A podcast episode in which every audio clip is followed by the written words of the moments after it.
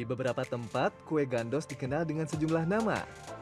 Orang Surabaya menamakannya rangin, orang Jakarta mengenalnya sebagai kue pancong.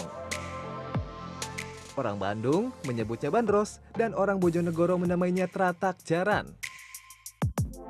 Namun kesamaannya adalah rasanya asin dan gurih. Sementara itu, gandos di Boyolali ini berbeda bahan, cara pembuatan maupun rasanya. Di Boyolali, cemilan ini dikenal masyarakat sejak 1980-an. Salah satunya dipopulerkan oleh Mbah Lomo di Dusun 4 Kiringan, Boyolali, Jawa Tengah. Disebut gandos gimbal karena bahannya yang terbuat dari kelapa dengan tekstur yang kering dan kasar pada permukaannya. daerah luar mungkin ada gan, namanya gandos tapi tidak seperti yang di sini.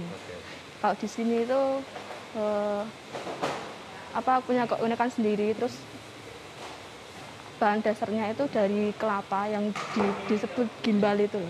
Kalau bahan utamanya yang pasti itu kelapa. Kalau yang lain ya cuma telur, tepung, gula.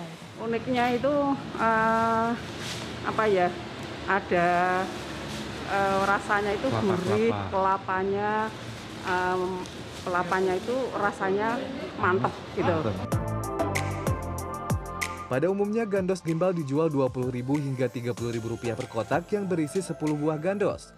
Selain rasa orisinal, ada gandos gimbal rasa coklat dan green tea yang dibuat berdasarkan pesanan.